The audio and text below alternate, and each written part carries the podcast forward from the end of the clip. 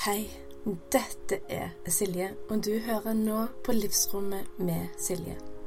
Denne podkasten her er den du hører på for å bli inspirert, for å bli løfta opp, for å lære nye ting, men òg sånn at du finner din vei gjennom motgang og selvfølgelig medgang, sjøl om du har prøvd så mye allerede. Så du, ha en god lytt. Nå ligger stress og syklus runde tre klar for at du kan melde deg på. Og det er med den største glede og fantastiske ydmykhet jeg har tilført to nydelige bonusmoduler. Den ene er til deg som enten er på vei inn i overgangsalderen, er usikker, hvordan navigere, hvordan støtte, balansere. Og så er det òg til deg som allerede er i overgangsalderen. Du har gjerne mye symptomer, du vet ikke helt hva du skal gjøre. Så her er min helhetlige tilnærming til hva du kan gjøre.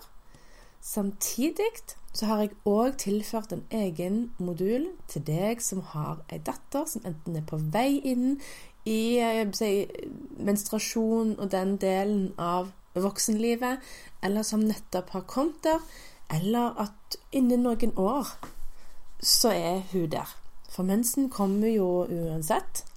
Vi kan like så greit lære døtrene våre til å eie det, istedenfor å la mensen eie de.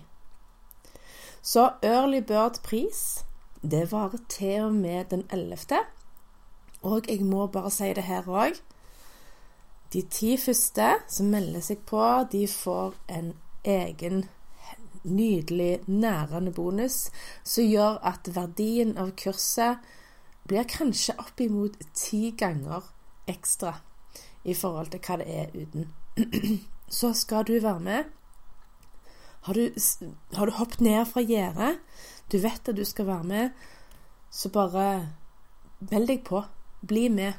Dette her blir helt, helt magisk. Og en annen potensiell fantastisk bieffekt ut av stress og syklus er at jeg lærer deg å hvile med den beste samvittighet. Hvor det er totalt blotta for det du gjerne før hadde av dårlig samvittighet. Så bli med på årets mest nærende kurs, og nå over til den fantastiske og nærende episoden med Ruth, hvor vi snakker om med dyp, ta dypdykk faktisk ned i human design, og snakker både om egentid og pauser og prosjektor.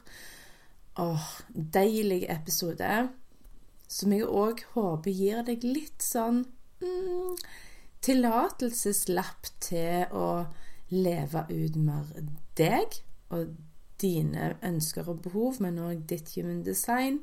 Men òg at du klarer å hvile litt mer uten dårlig samvittighet. At det er ikke bare å just do it. Velkommen til Livsrommet med Silje Rødt. Hei. Det er så Ja. gøy å ha deg her. Så det var veldig hyggelig at du ville ha meg her. Det er jo det er ikke ofte jeg gjør sånne her ting, så det her er veldig, veldig veldig stas. Så gøy. Så gøy. Mhm. Eh, din eh, Insta-profil ploppa opp eh, via Jessica Rain. Ja, Og, ja, hun er en god venn. ja, hun eh, har jeg eh, egentlig kjent siden ungdomsskolen. Og så, eller Da ble jeg, jeg gikk parallelt med hun, og så har vi knytta nye kontakter eh, i voksen alder over definitivt eh, fellesnevner som human design. Så det var veldig gøy.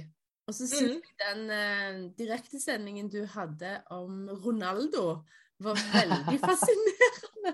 Og så tenkte jeg sånn hmm, Her er det noe. Og så hadde du en sånn prosjektorgreie. Eh, Ja, med Emily. sånn, hmm, her eh, jeg, jeg føler jeg må invitere hun på podkasten. Det er så hyggelig. Det, jeg blir så satt ut når jeg får komplimenter. Men ja, veldig, veldig, veldig hyggelig Mm. at du vil ha meg her. Ja, ja, veldig kjekt du ville komme. Mm. Eh, jeg elsker jo både human design, og så elsker jeg å høre personene sine historier. Eh, og egentlig hvordan de overkom utfordringer, hinder, hvordan Det er gjerne den der tre femmen i meg som bare liksom prøving og feiling og Ja, og som må nødt til å riste litt tak i liksom litt satte ting, og mm. på en måte se om man kan på en måte utvikle ting litt mer, og gå litt utenfor form og skikk, kanskje? Eller litt sånn Mm. Mm. Ja. Mm. Det, Rista det kjente litt. Ja, det, det, men det, det trenger vi som samfunn. Altså, det. fy altså. Det er så mye som ristes tak i at det er helt vilt. Ja, det er definitivt det. Men, Mm. men før vi går inn i mer eh, spørsmål og sånt, har du lyst til å introdusere deg kjapt til lytterne? Ja. Eh, jeg er, heter Ruth, det har dere fått med dere nå. Jeg er 32 år. Jeg er vestlending, men har bodd i Oslo i ti år. Så jeg er litt sånn skada vestlending, dessverre. Eh, ja, levde et ganske innholdsrikt liv helt til eh, det sa stopp en eller annen gang. Eh, og da fant jeg Human Design, da. Eh, så har jeg da en Instagram-konto, Ruth Brastad, eh, hvor jeg prater både om human design, men jeg fletter også inn mye om psykisk helse og, eh, og liksom hvordan leve det her livet, da. Eh, det interesserer meg veldig. Eh, og så har jeg da møtt Emily på min vei, eh, og ble plukka opp av henne. Og ble med i hennes mentorgruppe, der jeg også møtte Jessica. Mm. Og har egentlig gjennom det bare fortsatt å utforske human design på alle mulige måter. Og ja. Det er liksom Det er vel derfor jeg er her i dag. Eh, gjennom, gjennom å ha delt det jeg har lært, og det jeg ser og erfarer. Mm. Ja. Så jeg er en eh, Ja, hva er jeg for noe? Jeg er jo en, eh, en veldig livsglad jente som har vært gjennom mye forskjellig i livet, eh, på godt og vondt. Men jeg har alltid en sånn enorm livsglede i meg, da. Det har jeg liksom alltid klart å bevare gjennom alt. Mm. Så Ja, Ja. så bra. mm. Først og fremst så må jeg bare si at navnet ditt er så fint. For du har Oi. samme navn som min farmor. Og min farmor er bare verdens eh, vakreste sjel, kanskje. Så god og snill. og Nå er hun 93 og dessverre sitter på gamlehjem. Men eh, hun, ja, essensen og sjelen hans er der jo ennå, selv om kroppen Ja, ja. er gammel. Så bare navnet det er bare sånn mm, Jeg er føles, fast føles litt Ja. som en klem. Å, jeg er faktisk oppkalt etter min farmor, Ja, så koselig. som, eh, som døde det året mamma og pappa gifta seg. Åh, ja. Ja. Så Ja. da ble jeg Når jeg ble født, så ville pappa veldig gjerne ha en Ruth. Mm, mm. Eh, og jeg får alltid høre at jeg er fryktelig lik henne. ja. Så, så det, det traff bra. Mm, Eh, litt sånn eh, ærlig og direkte og person som hun. Så det har jeg. Så det er jeg, og det var hun. mm, Så, mm. ja. Så det, det er hyggelig. Ruth, jeg har, jeg har måttet jobbe med å bli glad i det navnet. For når du er fem, seks, syv år, så er ikke det kult helt Ruth.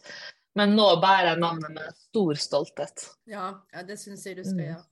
Ja. Men det er så fint å bli kalt opp, for det gjorde vi ubevisst. Eller tilfeldig ubevisst, vet ikke jeg hva man kan kalle det. Men min, eh, vår eldste datter heter Nikoline. Ja.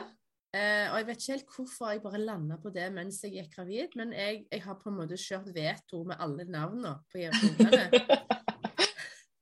Eh, men, men så sier jeg, spør mor på telefonen mens jeg gikk gravid, ja, har dere tenkt på navn, da? Så sier jeg ja, jeg tror det blir Nikoline, men jeg vil møte henne først. Og så stopper hun opp, og så sier hun du vet at mor til farmor hette egentlig Nikolene, men ble kalt Nikoline? Jeg bare eh, Oi. Nei, det visste jeg ikke. Å, det er så koselig når sånt skjer. Men, men det var jo en mening med det. Ja, ja, ja. Så Det er ja, men det, det er kjempe, kjempefint. det. Er det. Mm. Så jeg venter på hvem av søsknene som skal ta Ruth-navnet videre, da. Det er liksom det Jeg sier at det er den som gjør det, den får tidenes tante. Det Men jeg tviler at det skjer. Ja, ja, vi får se. Vi får se. Ja, vi får se. Uh, ja, men så fint å bli kjent, uh, bedre kjent med deg. Uh, mm -hmm. Og det første jeg vil spørre om, hva er human design etter ditt perspektiv? Altså, jeg har aldri vært så veldig glad i noen regelbøker og at vi skal følge noe ting veldig sånn slavisk og sånt. Så human design for meg er jo en, en unik mulighet til å kunne se hvem jeg er født til å være, hva jeg kom hit til jorda for å egentlig være som menneske. Mm. Eh, og for min del i hvert fall, å kunne bruke Umdesign til å finne tilbake til det mennesket. Jeg har vært eh, Det er på en måte sånn jeg bruker det. Eh, få på en måte en slags trygghet og en slags aksept da, for at jeg faktisk gjør det jeg gjør og sånt. Men jeg bruker ikke det som på en måte en sånn Å, jeg ser at jeg har porthold, da må jeg være sånn. Det er mer sånn Jeg lever mitt liv eh, og lytter godt inn og kjenner etter. Og der er jo på en måte det, det er kanskje den største hjelpen det har vært, da, med autoriteten min og strategien min. og at jeg ikke skal være verdens raskeste menneske, men jeg må ta ting i mitt tempo og sånne ting. da, Men når jeg da våger å lene meg inn i de tingene, de, de, de grunnleggende tingene i humdesign, og, og kjenner godt etter hva som er riktig for meg i midt, inn, langt inni her, og så ser jeg på kartet mitt, og så ser jeg Å ja, men jeg har en port som sier det sånn, og så har jeg denne linja sånn, så jeg skal gjøre det på den måten her. Så blir jeg sånn at da får jeg på en måte en utrolig tillit til eh, det at jeg skal stole på det som jeg inni meg kjenner er rett. da. At det egentlig er på den måten vi kan uttrykke vårt human design-kart.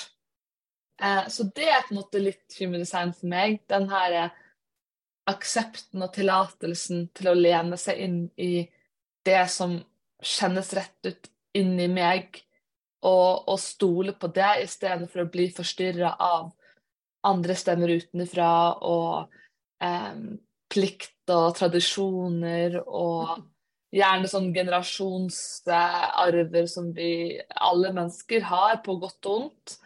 Eh, men liksom den her eh, Bare fordi at jeg har lært meg at jeg må gjøre det sånn, så er ikke det jeg kjenner inni meg. Så for min del hadde han egentlig om å begynne å stole på kroppen min. Mm. Stole på de signalene som For den, det ligger så mye sannhet i det. Mm. Eh, så for meg har det har human design på en måte gitt meg en slags frihet til å enda mer lene meg inn i å stole på. Um, så det, men så er jo det samtidig òg et sinnssykt gøy verktøy for å på en måte Altså, jeg elsker å leke med kart og se og dybden nede i det. og eh, Det er jo derfor jeg ofte sitter og ser på kjendiser og sånne ting, for du kan på en måte se Mm. så mye i det. Hvordan de på en måte bare Å ja.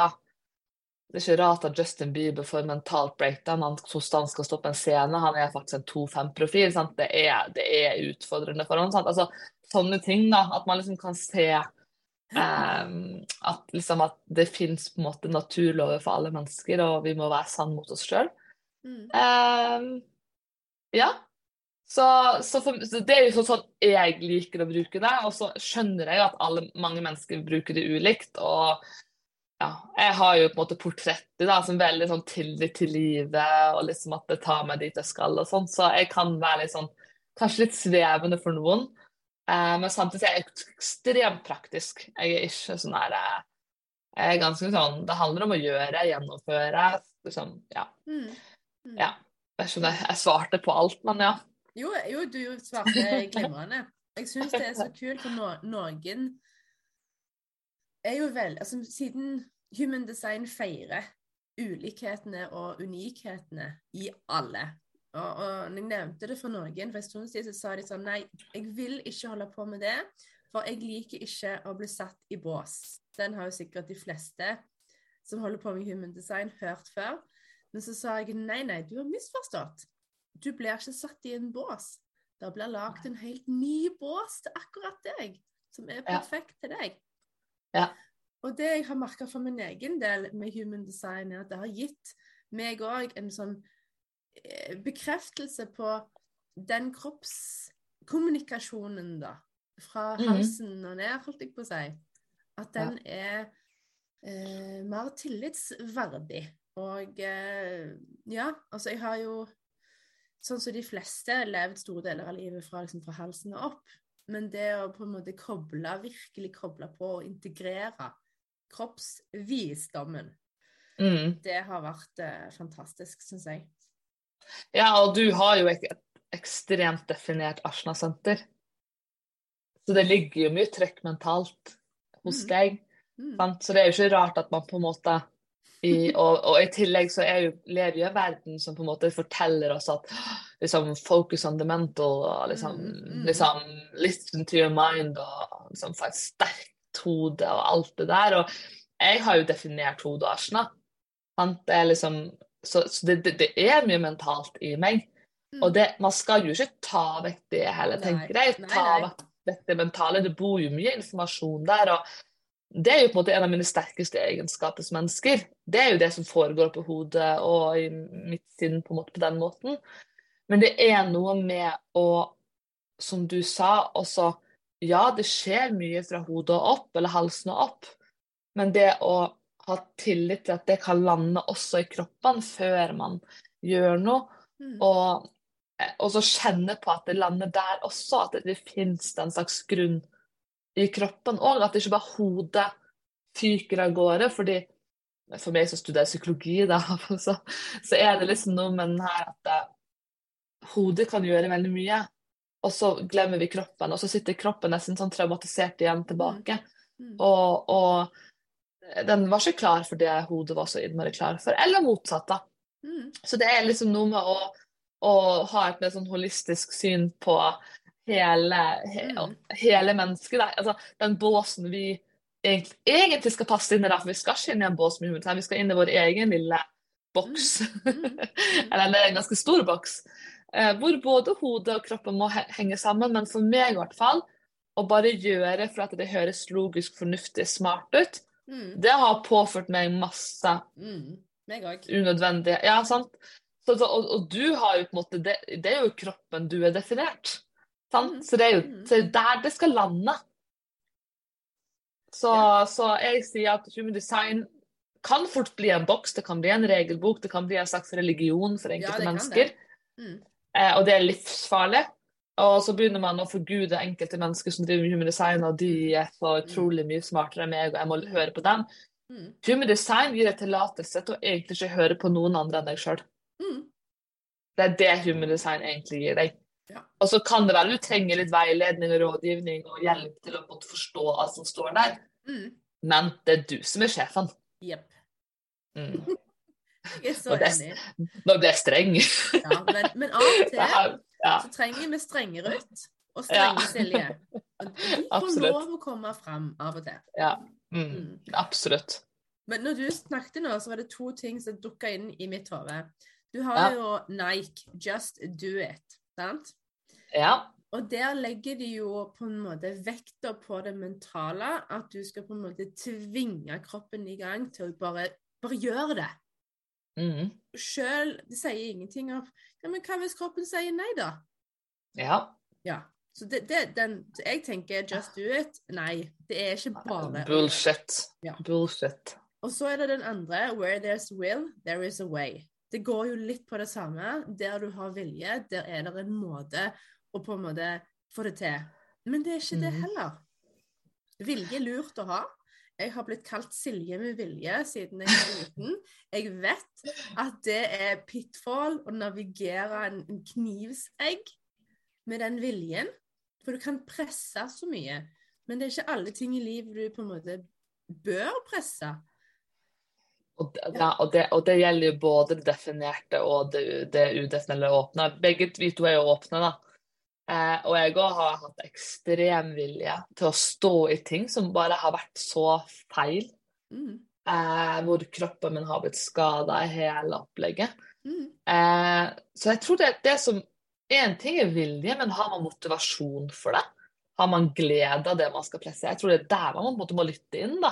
Mm. Ligger det en glede i, i å få til det her, eller er det bare for å bevise, for å være Ja. god nok, for å på en måte bli anerkjent? Altså, hva Mm. er Mm. Jeg så noe greier i går at vi må alltid lytte til intensjonen i vilja vår.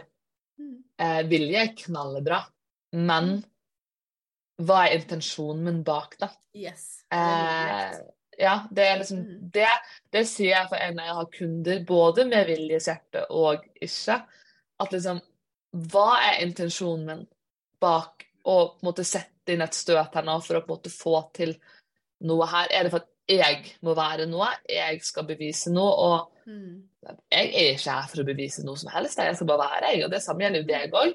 Mm. Eh, så for meg å drive og presse på noe som jeg absolutt ikke egentlig føler en slags indre motivasjon For jeg tror det er der folk misforstår veldig mye i livet. Da, at de tror at eh, For man kan bli sånn Ja, men å, jeg har ikke viljesenter definert, definert, og å ja, da har jeg på en måte ingen Hvordan skal jeg få gjort ting, da? Men har du indre motivasjon, en indre glede med det du skal gjøre, så får du til det aller meste. Mm. Mm. Ja, jeg vil bare, jeg synes det var nydelig, men jeg vil tilføye en liten ting, og det er Ja. hvis den, det som du har lyst til å jobbe for eller få til, eller et eller annet, hvis det er indre eh, gjenklang, hvis det resonnerer på det djupeste, djupeste, Ja. at det bare føles riktig, Ja. eh, da tenker jeg, og hvis motivasjonen, den indre motivasjonen er på plass, så kjenner jo, da, da kjenner jo igjen kroppen fra halsen og ned at Ja. dette er ja. Ja. Og det jeg har sagt til mange av mine kunder, bli kjent med ja-og dine, bli kjent med Ja. nei-og dine. Fra Ja, og det er jo gener generatoren, generatoren i deg som bare Det er jo helt nydelig, da, det sakrale. Jeg, savner, jeg skulle ønske jeg var sakral noen ganger. Uh, her er det bare masse følelser. Men ja, men det er jo det. Får ikke du òg en Altså, når kroppen sier ja, hvordan kjennes det ut for deg, da? Uh, oi, hvordan kjennes det ut, da? For det er jo litt det ulikt. Det, Altså- er jo litt Jeg, jeg føler nok en veldig sånn ro. Ja. Det er en veldig ro i det. Stillhet. Litt sånn Mm. nesten litt sånn Det er jo som bølger noen ganger, sant. Det er liksom bare når Mm. vannet bare ligger og liksom dubber opp og ned. Mm. Da, da, da kan jeg kjenne på den her Ja, det her er riktig. Men den er veldig vanskelig fordi det er veldig sjelden full klarhet. Ja. Det er veldig sjeldent jeg er 100% sikker på noe som helst. Eh, så det er liksom noe med å måtte stole på når det er 80-90, da. Og så bare Og så ikke ta livet så seriøst at man går helt i kjelleren om det var feil, da. Mm. Eh, det har jeg lært meg. Det, det jeg hørte på noen som prata om det emosjonelle, at, det, at hvis man på en måte skal vente helt til du vet så, så sitter du for evig alt og venter omtrent. Mm. Men det er noe med å liksom bare For det, det er jo emosjonelt. Emosjonen, sant? det er jo motions, det er bevegelse. Mm. Så det, den må òg erfare en del ting. Så det er på en måte godt for det emosjonelle noen ganger å gå på litt feil. Ja, rett og slett, for da blir man faktisk bedre kjent med hva er egentlig klarhet for deg. Mm. Mm. Eh, så jeg kan tro at noe er veldig klart, og så sitter jeg og føler på det i lang tid, og så enten blir det bare enda tydeligere hvor, hvor riktig det her var, eller så sitter jeg med sånn ja, Det var helt greit. så det, det er veldig jeg, Men jeg føler det veldig sterkt på kroppen, da. Det gjør jeg jo. Det, det sitter veldig i kroppen på meg. Men eh, det, og det, tror jeg at, det veldig, at alle må på en måte eksperimentere med sjøl, hva, hva som er. Og når du sa den her 'just do it', da tenker jeg på den milde autoriteten. De som bare liksom Ja, jeg vet. Altså, Ja, ja. og så bare, så bare gjør dem, sant? Og så sitter vi andre bare sånn Hva var det her for så, det, det, kan, det kan funke for kanskje en manifestor med mildt autoritet å bare gjøre. Mm. Det er liksom en eh, Men ellers er det veldig få som egentlig bare kan gå ut der og Mm. Og så, noen ganger gjør man det, sant? og så gikk det bra eller gikk det dårlig, sant? og så ja, da fikk man en erfaring til, da. Mm. Så, det, så man må ikke være helt eh, men, men ja, det ligger altså, vi, altså, Verden er jo så mental at det er helt vondt noen ganger. Eh, men heldigvis så er det Det er endringer på gang. Det vokser fram en større forståelse for at kroppen må være med på ting. Mm. Ja. Sånn, både innen psykologien og leger og alt. Liksom at det er Det begynner å vokse fram en forståelse for det, men det tar jo lang tid å integrere det Ja, i det, livet generelt. Ja. Ja, absolutt. Men Ja. hvis vi drar eh, litt tilbake igjen til deg, ja. hvordan har denne visdommen og kunnskapen om human design hjulpet deg i ditt liv? Du nevnte noe om at du gikk på en smell, eller hvordan vil du utdype det? Det er jo den klassiske prosjektoren som ikke klarer lenger å holde tempo som verden krever. Så i um, husker ikke når det var, nesten. I 2021, vinteren 2021, så var det totalt sammenbrudd. Jeg var, jeg var fryktelig langt nede. Um, men hvis jeg på en måte er veldig ærlig med meg sjøl, så hadde jeg jo kjent at den kom i to-tre år. Hvor det på en måte bare Det var mindre og mindre glede i alt jeg gjorde.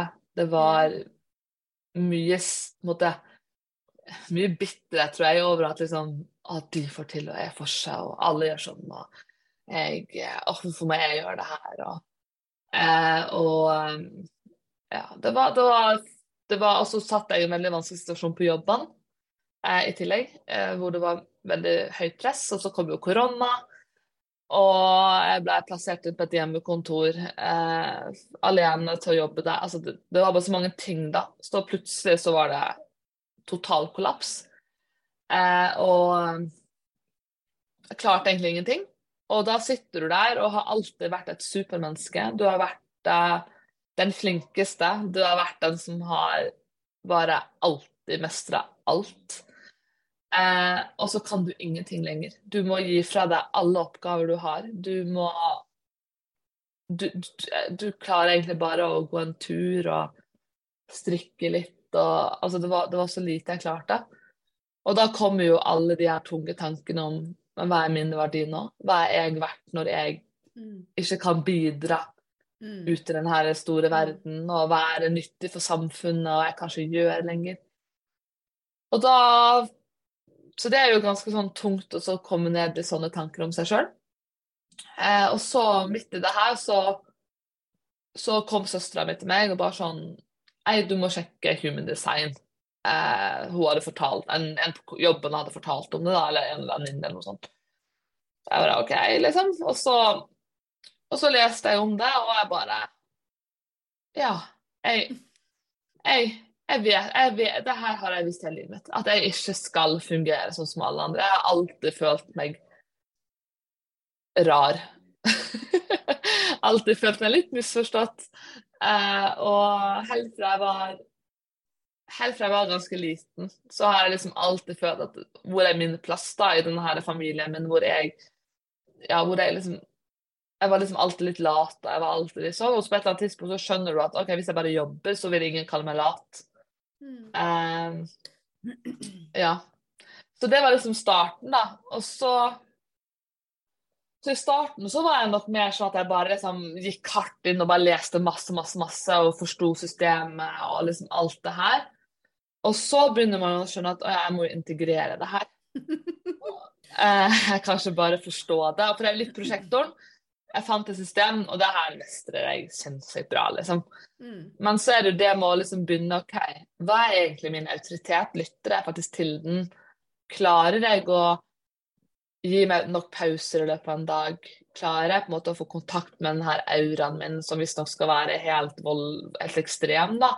Jeg hadde liksom ikke kontakt med det, selv om jeg på en måte liksom forsto at jeg hadde en fokusert, absorberende og gjennomtrengende aura. Sant? Sånn, men altså, når så da starta liksom Jeg tror kanskje for sånn ett og et halvt år siden, ikke noe sånt, så starta jeg liksom også lande litt i alt jeg forsto, og begynne liksom å mm. Men det tar tid. Og jeg, jeg, vil jo si at det er først kanskje de siste åtte-ni månedene at jeg liksom har begynt å skjønne og integrere skikkelig livet mitt og lande i det. Mm. Um, men jeg, jeg, har på en måte ikke orka å stresse heller, for jeg har på en måte hatt en helse som ikke har gjort at jeg kan. Mm. Og det som på en måte var Når jeg leste om kartet mitt, da, så var jo det på en måte Når jeg leste profilen min, det var jo da det på en måte eh, var sånn wow. Mm -hmm. Fire-sekseren, og så begynner jeg å lese. Leve livet i tre faser. Må prøve og feile. Eh, og så plutselig så får du en eller annen sånn behov for å bare distansere deg og sette deg på taket og se på verden med et fugleperspektiv. Og da, kjente, da begynte jeg faktisk å grine. Fordi, fordi det, det, behovet for å sette meg på taket, eller på en måte bare innta en observatørrolle til livet, den hadde jeg kjent så sterkt på kroppen min allerede fra jeg var sånn 29-30 år. Eh, og så plutselig så var det noen som sa at ja, men det er helt greit at du gjør det. Det er sånn du er. Og det er sånn ja, Jeg trenger ikke lenger å gjøre så mye. Jeg kan bare være her. Mm. Det var, og, da, og da begynner jeg å se tilbake sant, på livet mitt. og eh, Jeg har jo på en måte ofte referert til den her andre fasen fra en i sex som nesten som en begravelse. Nå høres det veldig trist ut, men det er egentlig veldig, jeg synes det er veldig vakkert. da. At Mm. du begynner å se tilbake på livet ditt, eh, og du begynner å se den her åtte-niåringen som du var, uredd for verden og det du på en måte så der. og så bare En åtte-niåring er jo bare seg sjøl. Mm. Eh, Mm. den litt, litt sånn tullete, rødhåra, fregnete, høylytte jenta som bare eh, pekte på ting som andre gjorde litt feil og var litt irriterende og sånne ting. Hvor, hvor blei det mennesket av? Mm. Eh, og jeg hadde i løpet av den første fasen på en måte lagt to i en skuff, og så blitt et menneske. Mm. Som jeg også på en måte var veldig glad i.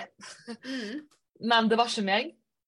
Så jeg føler at Derfor så tenker jeg det litt som en sånn andre fasen er på en måte en begravelse, hvor du må begynne å bearbeide. Du må på en måte gjennom en slags farvel-greie med det her mennesket du skapte, og det mennesket du egentlig var veldig glad i, og som var en stor del av deg, men det er ikke bærekraftig lenger å Mm.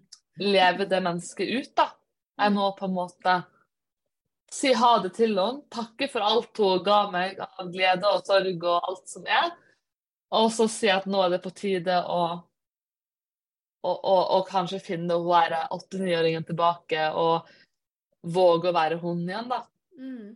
Mm. Så det er en, det er en, for min del har det vært en veldig sorg Det er fortsatt en sorgprosess Mm. eh, å ikke lenger kunne være denne her 25-åringen med full av eh, gjørelyst og masse råvilje og sånne ting. Eh, men samtidig så er det noe vakkert med å si farvel og takke henne for alt. Mm. Men nå må jeg gjøre det på en annen måte. Så det, det har vært en, sånn, en slags sånn begravelse hvor du liksom går gjennom Du er i starten av begravelsen hvor du leser opp alt man har oppnådd i løpet av livet sitt. Det er litt sånn at du må liksom gå gjennom alle de tingene for å på en måte liksom kunne liksom legge det bak deg, Mm. og så gå videre. Og finne det her indre barnet i deg, som Mm. også var verdifullt, da, men som kanskje ikke du sjøl så på som verdifullt. Mm. Ja, nydelig. Mm. Jeg tenker Det er jo faser i livet, uavhengig av om man har sekser i profilen sin. Selvfølgelig er det det. Absolutt. Eh, og nå er jeg 37, Mm. eh, og jeg husker jeg ble mor som 24-åring. Og jeg husker 20-åra som særs usikre. Iallfall de første fem. Ja. Og det var Altså, de fleste avgjørelsene ble tatt på eksternt grunnlag. Jeg, Ja. jeg levde jo veldig fra halsen og opp. Og, Mm. og eh, ja, nei, det var veldig på en måte veldig, Jeg følte meg veldig utrygg og veldig usikker. Og så kom én unge, og så kom en til unge, og så kom hun tredje rett før jeg ble 30. Og da hadde jeg jo børsta av mye av denne usikkerheten. Så da var det sånn det var, altså jeg var veldig flink pike før, og veldig sånn pliktoppfyllende. Hva vil andre tro, hva vil andre for meg, og bla, bla, bla. Og det var veldig representativt på fødslene. Ja. For på den første fødselen så var det jordmor som hadde ei oppskrift for meg, som hun mente jeg skulle bare passe inn i. Ja. Hun var veldig gammel og hadde jobbet med denne oppskriften hele livet, som yrkeslivet. Eh, Så hun, hun fikk det til at jeg fødte etter hennes oppskrift, selv om det var en hard, brutal og traumatisk fødsel. Mm. Mens fødsel nummer tre, da var det jeg som var sjefen. Da eide jeg, da tok jeg ansvar. Jeg tok ingen bull fra noen. Jeg heiv ut ei jordmor fordi jeg ikke likte parfymen hun hadde på seg. Det er nydelig.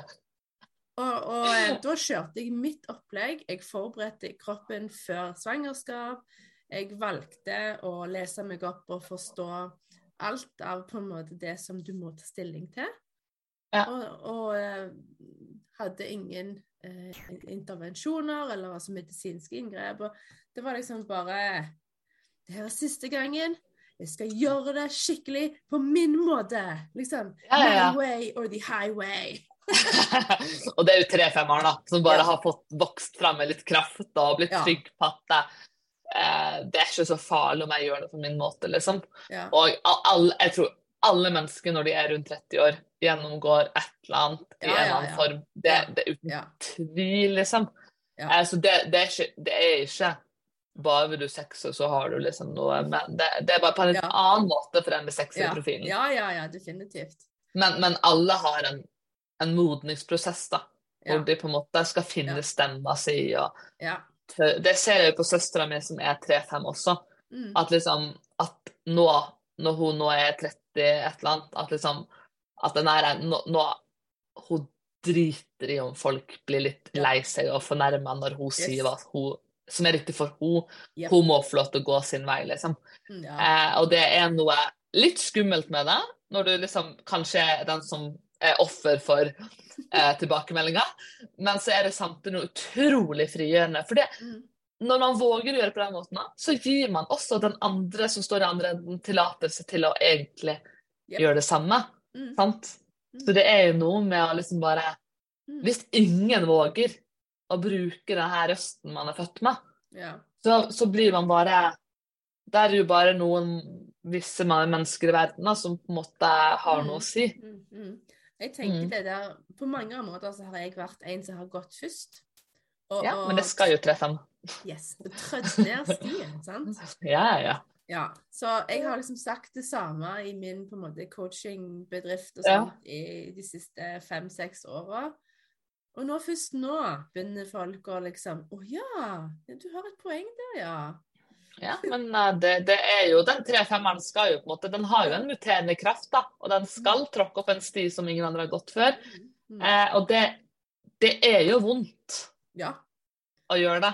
Det ser jeg jo på søstera mi. Altså, det er jo ikke lett å på en måte være den som må ta støyten i forkant. Mm. Men så har man ulike roller og oppgaver, da. Og så, Ja. så, så det, det er liksom sånn, eh, sånn Ja. Det er jo Det er bare Det er en del av greia. Det er en del av livet. Og hvis du på en måte skal bli sånn der eh, Jeg er veldig for å bearbeide ting. Eh, man skal ikke skyve unna fortiden og si at ja, ja, det her gikk bra, nå går vi videre. Mm. Noen ganger må man, noen ganger må man ta tak i det som skjedde før. Men det er også noe veldig vakkert med å ta ansvar for sitt eget liv Mm. og skjønne at det, ja, det her skjedde meg. Det var ikke greit, det var urettferdig, det var grusomt. Men jeg får ikke gjort noe med det lenger. Mm. Gjort er gjort. Mm. Hva kan jeg gjøre? Du kan bli sjef i ditt eget liv. Det kan Mm. du ta ansvar for. Mm. Det, det er noe jeg, jeg syns er veldig, veldig vakkert med, da, hvis man klarer det, og på en måte la ting Ja, man kan på en måte bli så opphengt i alt som har skjedd. Og det merker jeg for min egen del, med alt som skjedde meg. Det er ikke noe sånn at det har skjedd noe veldig dramatisk med meg, men liksom Jeg var mye syk gjennom hele sju åra mine. Eh, den sekseren her sitter jo i kroppen min, Ja. eh, så det er jo kroppen min som har fått kjørt seg. Mm. Og eh, en, en person som har treer på designsiden, den er født veldig eh, robust. Den kan tåle veldig mye uten at det blir eh, store traumer på kroppen, tror jeg. Mm. Eh, men en som er en fake treer i 30 år, som jeg var eh, Jeg er ikke robust i kroppen min. Den, den, den tål, jeg trodde den tålte mye, men eh, eh, det er noe forskjell på å være sterk Hvis og det å være robust, tror jeg. Jeg er jo sterk, her men uh, Like mye kroppen min tålte ikke det her, så jeg var jo Da jeg var det er 21-22 det år, så fikk jeg, muligheten betennelse i hele kroppen. Egentlig alle som har jeg en kropp, hadde, sitter på. jeg hadde så mye Det begynte da med en liten senetennelse i høyre eh, arm som ble meg og et mareritt i år, screenshot av årets eh, første med, hvor jeg episode. til, til en viss grad fungerte veldig bra, Her tagg bildet fungerer bra. Therese, Så Folk utad trodde nok ikke at dette var så stort problem som det nok det egentlig var for meg. ville ha betydd så Eh, mye men òg eh, for meg. hadde, du jeg, jeg måtte jo gå til behandling konstant i ti år for å holde ting i sjakk. Og sprøyte med her og Apple Podcast eller Spotify, og legg trekking, igjen en og- så Det var så tilbakemelding hva mye du greier for å syns om klare å opprettholde det tempoet jeg hadde i livet mitt, samtidig som kroppen var full av betennelse. Eh, og så var det jo selvfølgelig perioder hvor det bare ikke funka. Jeg var jo sykmeldt i ett og et halvt år da jeg var 22. fantastiske Eh, gjester det var helt stopp. Planleggingsboka. jeg kunne ikke løfte armen eh, min, liksom. i januar og videre. Og det er litt sånn, så kan jeg bli liksom lei meg. Sant? At liksom, hadde jeg bare hørt på kroppen min da, da hadde jeg spart meg for ti år med smerte og masse styr og sorger og alt som var, liksom. Men så var det noe jeg skulle lære gjennom den erfaringen, da. Mm. Mm. Så det er litt sånn Jeg kan være sint på både behandlere og leger og mamma og pappa omtrent nesten for det her, sånn. Mm. Men så er det samtidig noe med at jeg klarte ikke å se det da. Så det var ikke Mm. meningen at jeg skulle se det før nå. Mm. Og, og hva lærte jeg da gjennom den erfaringen? Nå blir jeg sikkert veldig sånn sekser av meg, da, som bare, åh, men liksom, eh, liksom Hadde jeg vært like eh, myk og god mot mine medmennesker uten sjøl å ha kjent hva det vil si jeg hadde vanskelig på kroppen? Eh, jeg tror ikke det. Jeg har vokst opp i en, en måte, ei litt sånn vestlandsk harde føre, liksom, hvor man står i det, og man jobber hardt, og liksom, man legger Mm. følelsen til sitt. Det, Ja. det er liksom kult, kulturen har vært her, Ja, sant? Og så, så hadde ikke man jeg sjøl kjent på å være svak, og at ting er litt håpløst og vanskelig. Hadde jeg klart å være god mot andre og møtt de der de er? Det, det tror ikke jeg. Mm. Eh, så det for meg, det har vært en sånn fin Altså, jeg, jeg hadde bare ikke vært et godt menneske uten å kunne vært syk sjøl i ti år. Ja, ja. Det, jeg, jeg elsker det konseptet med å, å speide etter læringer i både utfordringer og sykdom. Ja. Eh, jeg hadde jo masse leddgikt som kom på få uker i 2017. Ja. Og eh, da fikk jeg jo beskjed av leger at jeg måtte bare finne en måte å leve med det. Og det var en kul her som var på størrelse med en golfball. Å, for meg. Eh, og det, det Mm. starta med som om jeg hadde dunkt hånda, sånn du hadde slått den, sant. Mm. Eh, og så gikk det ikke over, og så ble det bare større og større. Rødere og hissigere. Og, og eh, da la jeg det ut på Instagram. at liksom Oi, her har det skjedd noe. Men eh, jeg, eh, jeg har en, eh, en ro i kroppen med at jeg skal finne ut av hvorfor det har skjedd, hvordan det har skjedd, og jeg skal ordne det. Jeg vet ikke hvordan, jeg vet ikke hvor lang tid, men jeg går inn for oppgaven. Og da hadde jeg jo et par leger og medisinstudenter på følgerlister, sant. Og de bare Nei, nei, nei, du må gå til, til legen, du må få henvisning, du må gå til revmatolog og bla, bla, bla. Du må få medisiner. Og jeg bare Nei. Jeg husker jeg satt i sofaen oppe og bare kjente at dette skal jeg lære av. Dette skal jeg òg på en eller annen måte hjelpe andre med. Og det var det coaching-greiene mine starta med som helseperspektiv. Ja. Det tok 14 måneder. Så Ja, var, jeg, var jeg eh, helt frisk. Og det er nå fem år siden. Nei, så altså, det er jo liksom noe med å Jeg tror det og med healing. Eh, men min del så startet det med at jeg spilte volleyball, og så fikk jeg kjempeslag i hånda. Ja. Og så husker jeg dagen etterpå så var jeg helt sånn flammerød. I akkurat som den hadde sprekt hull på en sånn Ja. betennelsesspill omtrent. Og der starta det sakte, men sikkert å bare spise opp. Jeg har en skulder som egentlig er fortsatt ganske ødelagt, da. Men det, nå funker det iallfall bedre, for jeg er litt flinkere til å lytte til kroppen. Mm. Men uh, jeg òg hadde Nav de foreslo nesten å uføretrygde meg som 22-åring. Oi. Og da gikk det en sånn faen i meg. Jeg bare nei, aldri i livet at det her skal skje. Ja. Men da kompenserte jeg med at nå skal jeg klare livet, nå skal jeg bare stå i det her. Sant? Så jeg ble bare sykere og sykere. Og Ja.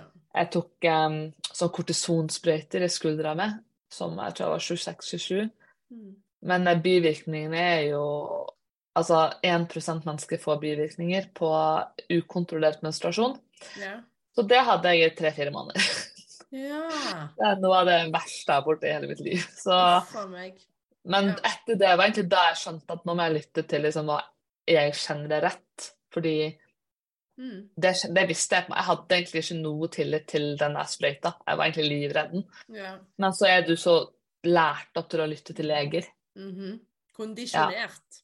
Ja, helt sånn der at du Mm. skal, liksom, de vet best. Men jeg husker at det- Ja, autoritet. Men jeg husker når de foreslo de sprøytene, at jeg var sånn Jeg har ikke lyst til å ha kortison i kroppen min, men er- du er desperat, sant? mm. Ja, Ja, ja, nå håper, ja. Nå hopper vi litt vekk fra ting, men, men iallfall så, så det er jo Men jeg lærte jo å stole på at jeg sjøl vet hva som er best for min kropp, da. Mm. Mm. Mm. Mm. Ja, det jeg syns Altså, det der med human design, hvor du på en måte du eh, I mangel på et norsk ord reclaimer din egen fjernkontroll.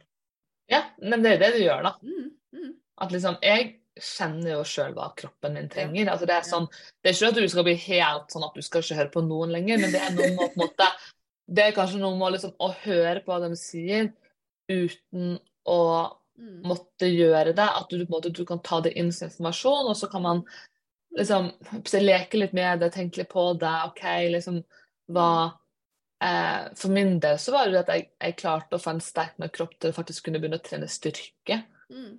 Mm. og slappe av. Det var liksom det som gjorde at jeg Mm. faktisk ble kvitt smerte, da. Ja. Så det er sånn Det var egentlig en så enkel oppskrift, men alle, det er jo ingen som foreslår at eh, Kanskje du skal skaffe deg en PT som lærer deg hvordan du skal trene opp litt muskler i kroppen din igjen. Liksom. Det var jo ingen som foreslo det. Det var jo bare sånn Mm. en sprøyte her og en knekking her. sant? ja. Det er jo eh, eh, symptombehandling, ikke årsak. Sant?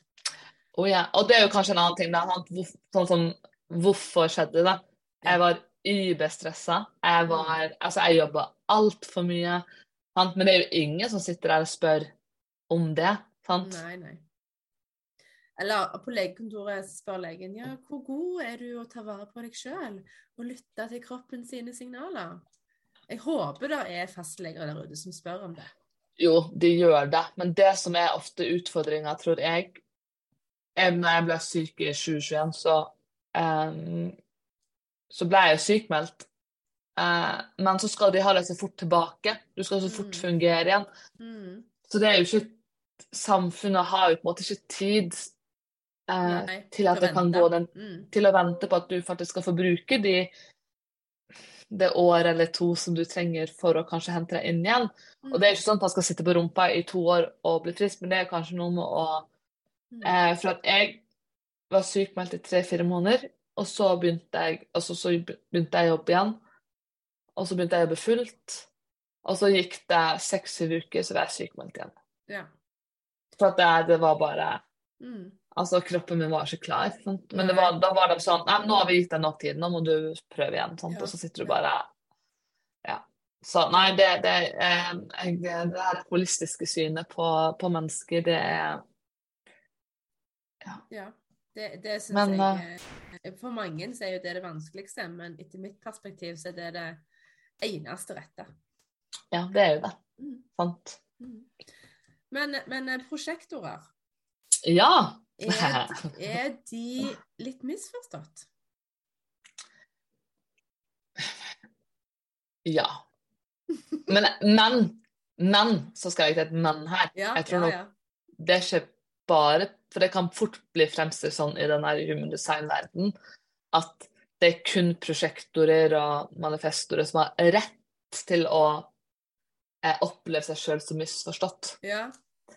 Fordi jeg tror alt om hvor misforstått du er, kommer òg veldig mye an på hvilket familie du har vokst opp i, hvilket samfunn du har vokst opp i. Eh, og for eksempel er du en generator med bare individuelle kanaler i en familie hvor det er mye stammeenergi, Mm. så, Ja, blir, ja. Du mis så Ja. blir du misforstått. Sant? Er du den eneste emosjonelle i en familie med bare sakral autoritet, så blir du misforstått mest sannsynlig. Mm. Eller hvis du bare er emosjonell rundt deg, og du er den eneste udefinerte, så blir du misforstått. Så det er, sånn, det er jo ikke forbeholdt prosjektoren å være misforstått. Men jeg tror nok mange prosjektorer føler at nok de føler seg veldig misforstått, i den form av at de har kanskje hatt litt andre behov enn det andre har trodd at de har trengt.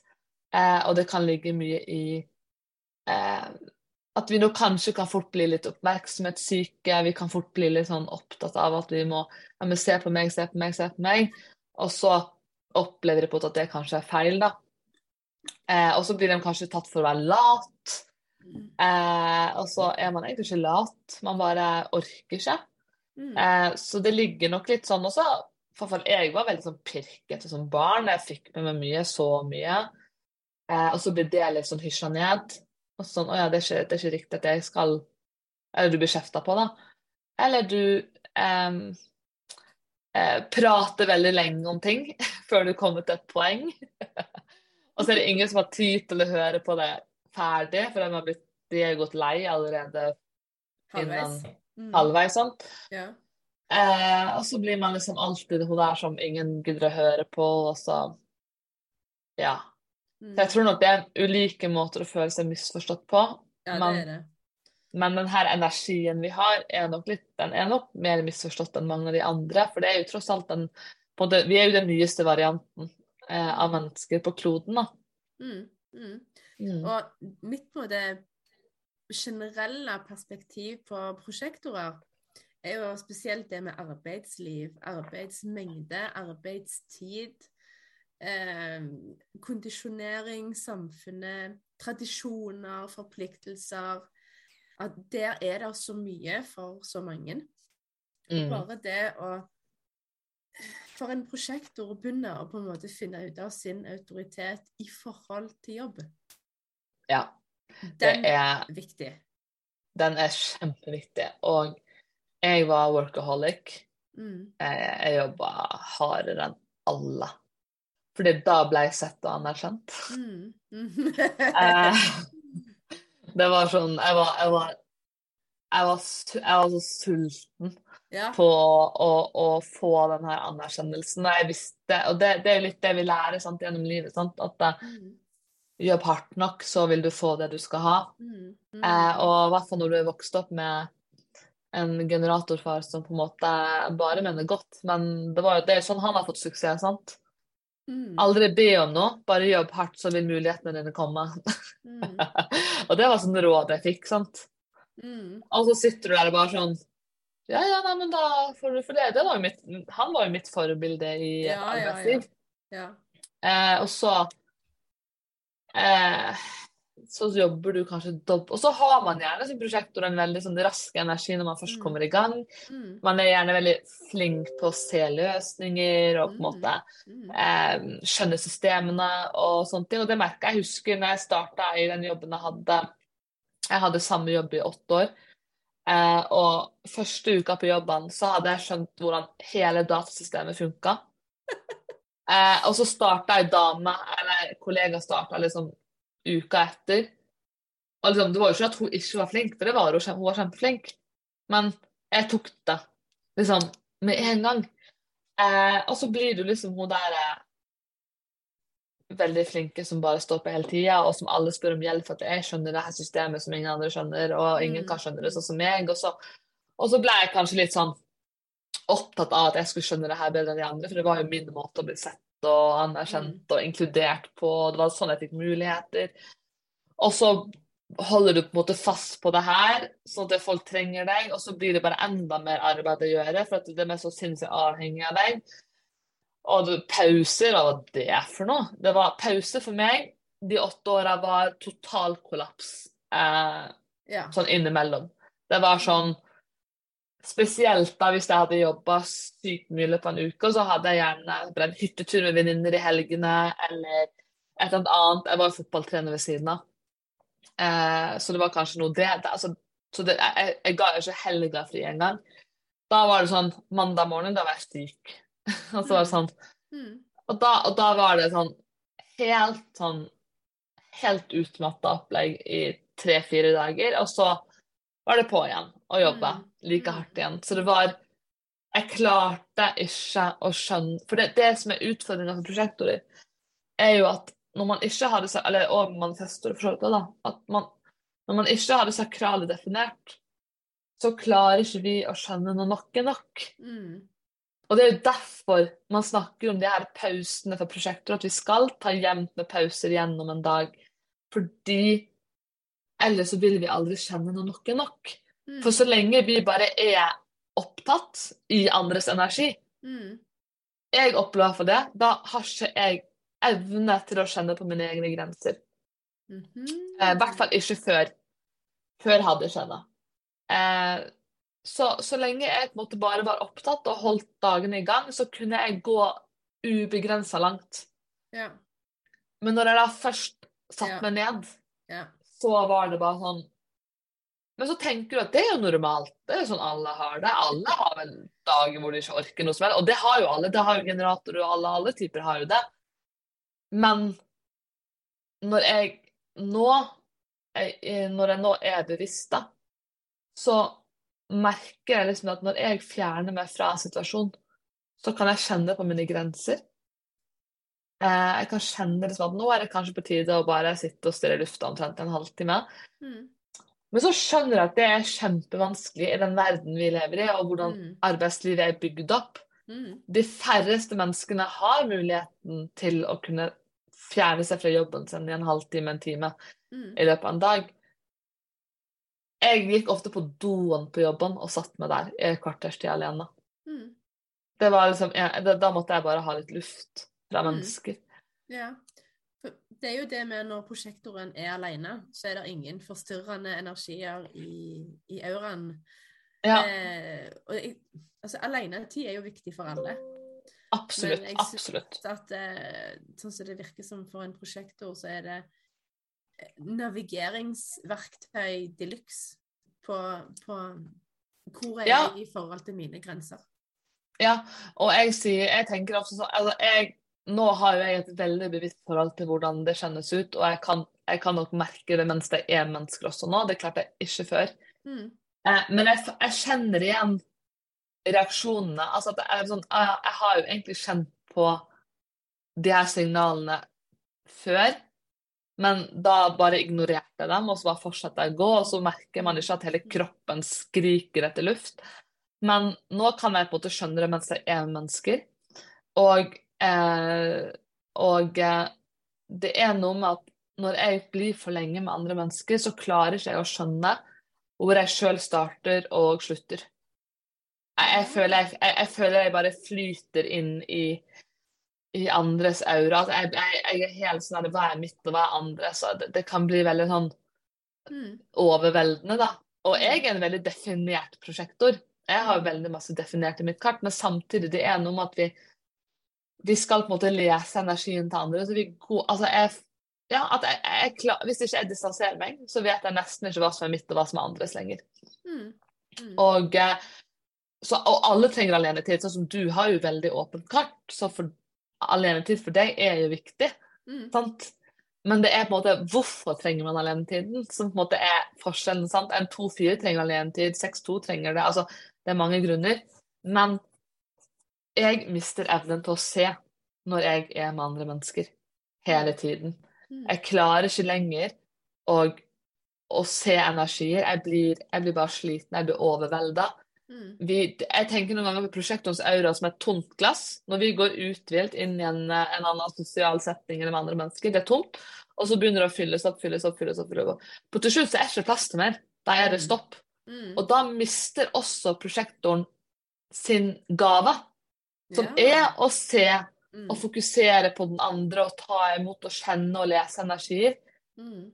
Så hvis ikke vi fjerner oss fra de andre, så blir det veldig umodent det vi holder på med. For at vi klarer ikke egentlig å finne ro til å tolke det vi har sett, til å skape forståelse av hva det vi har samla på oss mens Mm. vi er med andre. Og det Mm. det er, Det er sånn for, det er for meg, da. Det er det denne alenetiden ofte handler om. Å på en måte begynne å tømme det glasset Ja. med vann. Og liksom begynne å tolke informasjonen som ligger der. Mm. Det jeg fokuserte på, hva fortalte energien meg, osv. osv. Og det er en ofte en veldig ubevisst prosess. Det handler bare om at jeg av og til så går jeg bare inn på rommet mitt og så legger jeg meg i senga og bare slapper av. Og så tolkes det av seg sjøl. Det er ikke sånn at jeg sitter sånn Ja, hva skjedde her? Hva skjedde her? Det, liksom, det er bare at det, kroppen, eller det ubevisste i meg, da, klarer ikke å gjøre den prosessen når jeg bare forblir der. Og bare, det bare renner over, renner over, renner over. Ja. Men trekker jeg meg tilbake, så, så gir jeg tillatelse til å la det lande. Mm. Og så plutselig så bare sånn Å ja. Og så kan jeg gå ut igjen til det mennesket, og så kan jeg se den klarere enn noen gang. Mm. Mm. Ja, nydelig. Det er sånn eh, prosesseringspause. Ja, veldig. Og jeg har jo veldig mye kartmus som tilsier at jeg trenger det, så det, det, det kan være veldig individuelle forskjeller. Mm. Men jeg tror det er noe der for alle prosjektorer. At den her eh, Mm. behovet for å lande i alt Mm. det vi har tatt. For husk at vi absorberer. Altså vi fester omtrent de andre menneskene på hele kroppen vår. Mm. Og så Men vi må òg rense ut. Vi må Mm. Og, hvis, og derfor så mener jeg også at når liksom, ah, prosjektoren er så god på å se og se de andre og skjønne Jeg er helt elendig på å se de andre når jeg er sliten, når jeg er overvelda. Da, da er jeg bare en sånn irriterende heks som bare går og pirker i helt unødvendige ting. Og, altså, da, da, blir jeg, da blir ikke jeg eh, måtte noe gøy fan. Da er jeg bare en kjip eh, prosjektor. Ja. Eh, og, og vi kan være kjempekjipe når vi er i ubalanse. Da er vi de verste menneskene omtrent, mener jeg. da. Eh, for vi, vi kan jo fortsatt se, det bare blir ikke på en bra måte. Det blir litt sånn Mm. umodent og litt feil. Mm. Eh, så hvile Men det her er jo det, kanskje det prosjektet du har vanskeligst for å akseptere. da. Deres behov for å trekke seg. Men jeg tenker sånn, jeg trodde ikke jeg trengte det, fordi jeg klarte det. Mm. Men hvis du, hvis du er interessert i å finne ut om prosjektoren er deg, og om det passer for deg, så handler det om å bare begynne å, ok, begynne å trekke deg tilbake. Mm. Begynne å lytte etter til hva er det kroppen sier deg, hva er det du kjenner, føler.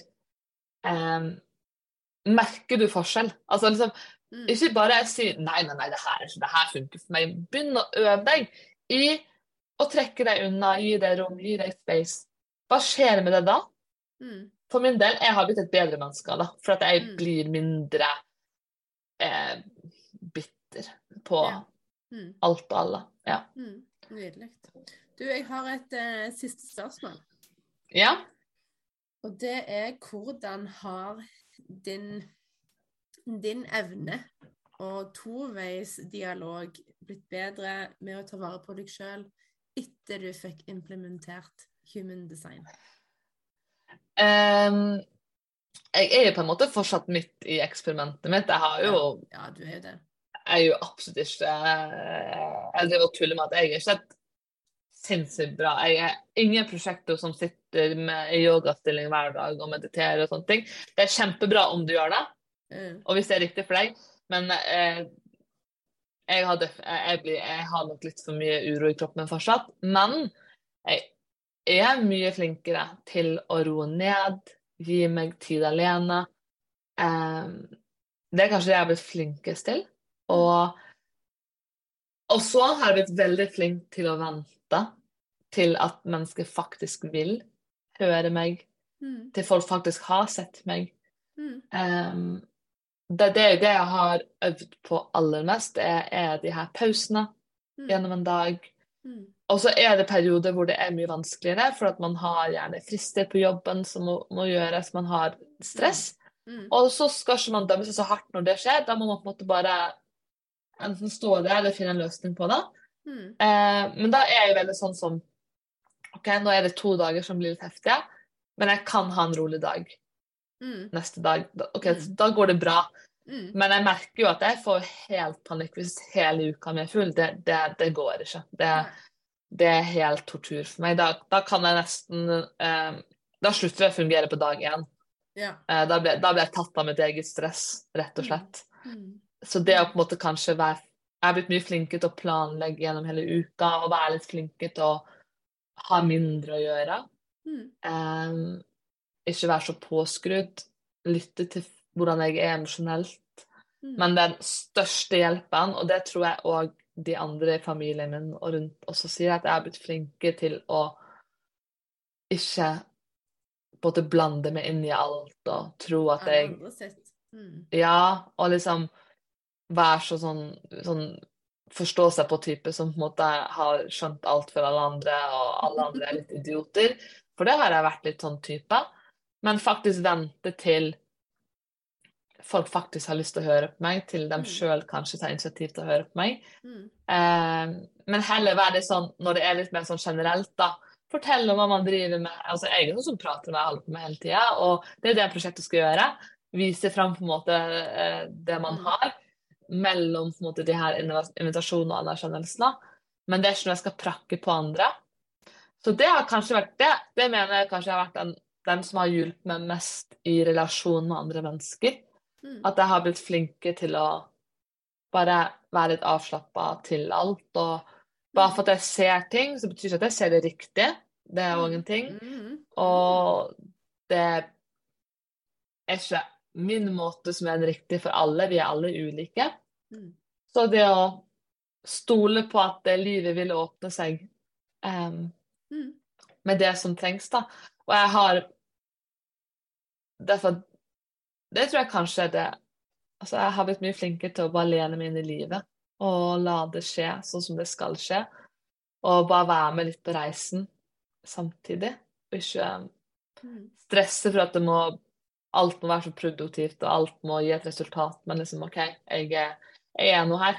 Mm. Og så, og så merker jeg at mennesker kommer til meg og spør meg om ting, og familien min har lyst til å høre på hva jeg har å si og sånt, uten at jeg har egentlig sagt så veldig mye. Mm. Mm. Så pappa, pa, pa, pappa sa til meg du har blitt litt mer behagelig i det siste. Jeg bare ja, ja. tusen, tusen takk! Det var jo et fint kompliment, det, da. Absolutt et fint Ja. kompliment. Ja, Så ja. ja. ja. Jeg ser at tida springer ifra oss. Ja, det, jeg prater jeg, og jeg gir ikke korte svar, så Du gir gode og utfyllende svar. Men det var en fornøyelse å ha deg her. Og jeg eh, kjenner egentlig at jeg har lyst til å invitere deg tilbake for å ta et lite dypdykk om eh, MGs og generatorer en annen gang. Ja. Hvis du, har, du du, du kan kjenne på det. Og, og Nei, nei, men det må du bare gjøre. Det syns jeg er gøy. Ja, for eh, nå har vi jo hatt litt mer på prosjekter, selv om vi hadde jo veldig mye annet òg. Eh, men jeg syns det å bli kjent med folk og det å få nye perspektiver og utvide horisonten, det er, det er kremen av livet. Det er det. Jeg Mm. elsker når jeg kan skjønne mennesker. Det er min uh, store hobby. Nesten til det slitsomme. Du, eh, tusen takk for nå. Dette var helt fantastisk. det var det. Jeg koste meg. Ja, så bra. Både meg og Ruth har så lyst til å høre hva du tenker etter å ha hørt denne episoden her. Så det meg og Ruth håper at du gjør, at du tar screenshot av episoden, tagger både meg og Ruth eh, i bildet, i storyen din, og deler med oss hva likte du best, hva tok du med deg av størst mulig verdi? Og så håper vi jo begge to at du deler den videre med andre spirende human design interesserte folk og sjeler rundt omkring. For dette her er viktig, både for meg og Ruth, men òg for ja, kanskje menneskeheten. At den kommer ut. Takk for nå, og takk for at du hørte på.